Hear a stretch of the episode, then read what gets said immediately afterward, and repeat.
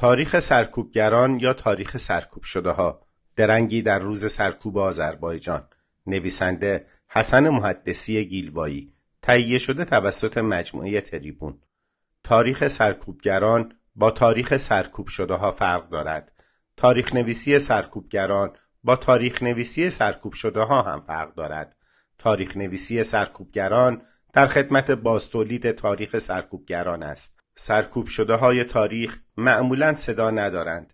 صدا دادن به بی صدایان دشوارترین کار است. گاه بی صدایان تاریخ خود علیه صدا دهندگانشان میستند زیرا فرایندی به نام استحمار وجود دارد. زیرا روایت سرکوب کننده های تاریخ به سان حقیقت مزین مطلق و مسلم جلوگر می شود و اکنون نیاز به رخنگری دارد و رخنگری در حقیقت مزین برساخته شده تاریخ دشوارترین کارهاست. رخنگری در حقیقت مزین برساخته شده تاریخ با دگرنویسی آغاز می شود دگرنویسی مهم و خورد کننده است. دگرنویسی از جزئی ترین تعابیر و کلمات آغاز می شود و رفته رفته بست می یابد مثلا وقتی که می نویسی رضا شاه موصوف به کبیر محمد رضا شاه موسوم به دگر نویسی را آغاز می کنی و بذر تشکیک در حقیقت مزین بر ساخته شده تاریخ میکاری. تشکیک در سرشت شوکتمندی یک شوکتمند تاریخ و تشکیک در تاریخی که تحت لوای شوکتمندان تاریخ روایت شده است. تاریخ نگاری سرکوبگران است که صدای شوکتمندان تاریخ را پژواک می دهد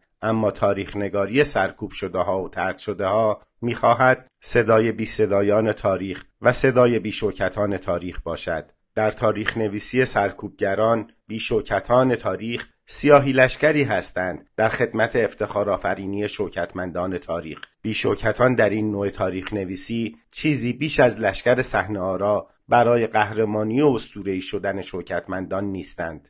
من بر اساس روایت سرکوب کننده به تاریخ نگاه نمی کنم بلکه به روایت سرکوب شده هم توجه می کنم تاریخ نویسی رسمی ضد انسانی است. رضا نساجی به خوبی نشان داده که روایت سرکوبگر روز کلمب را ساخته و او را بدل به استوره کرده.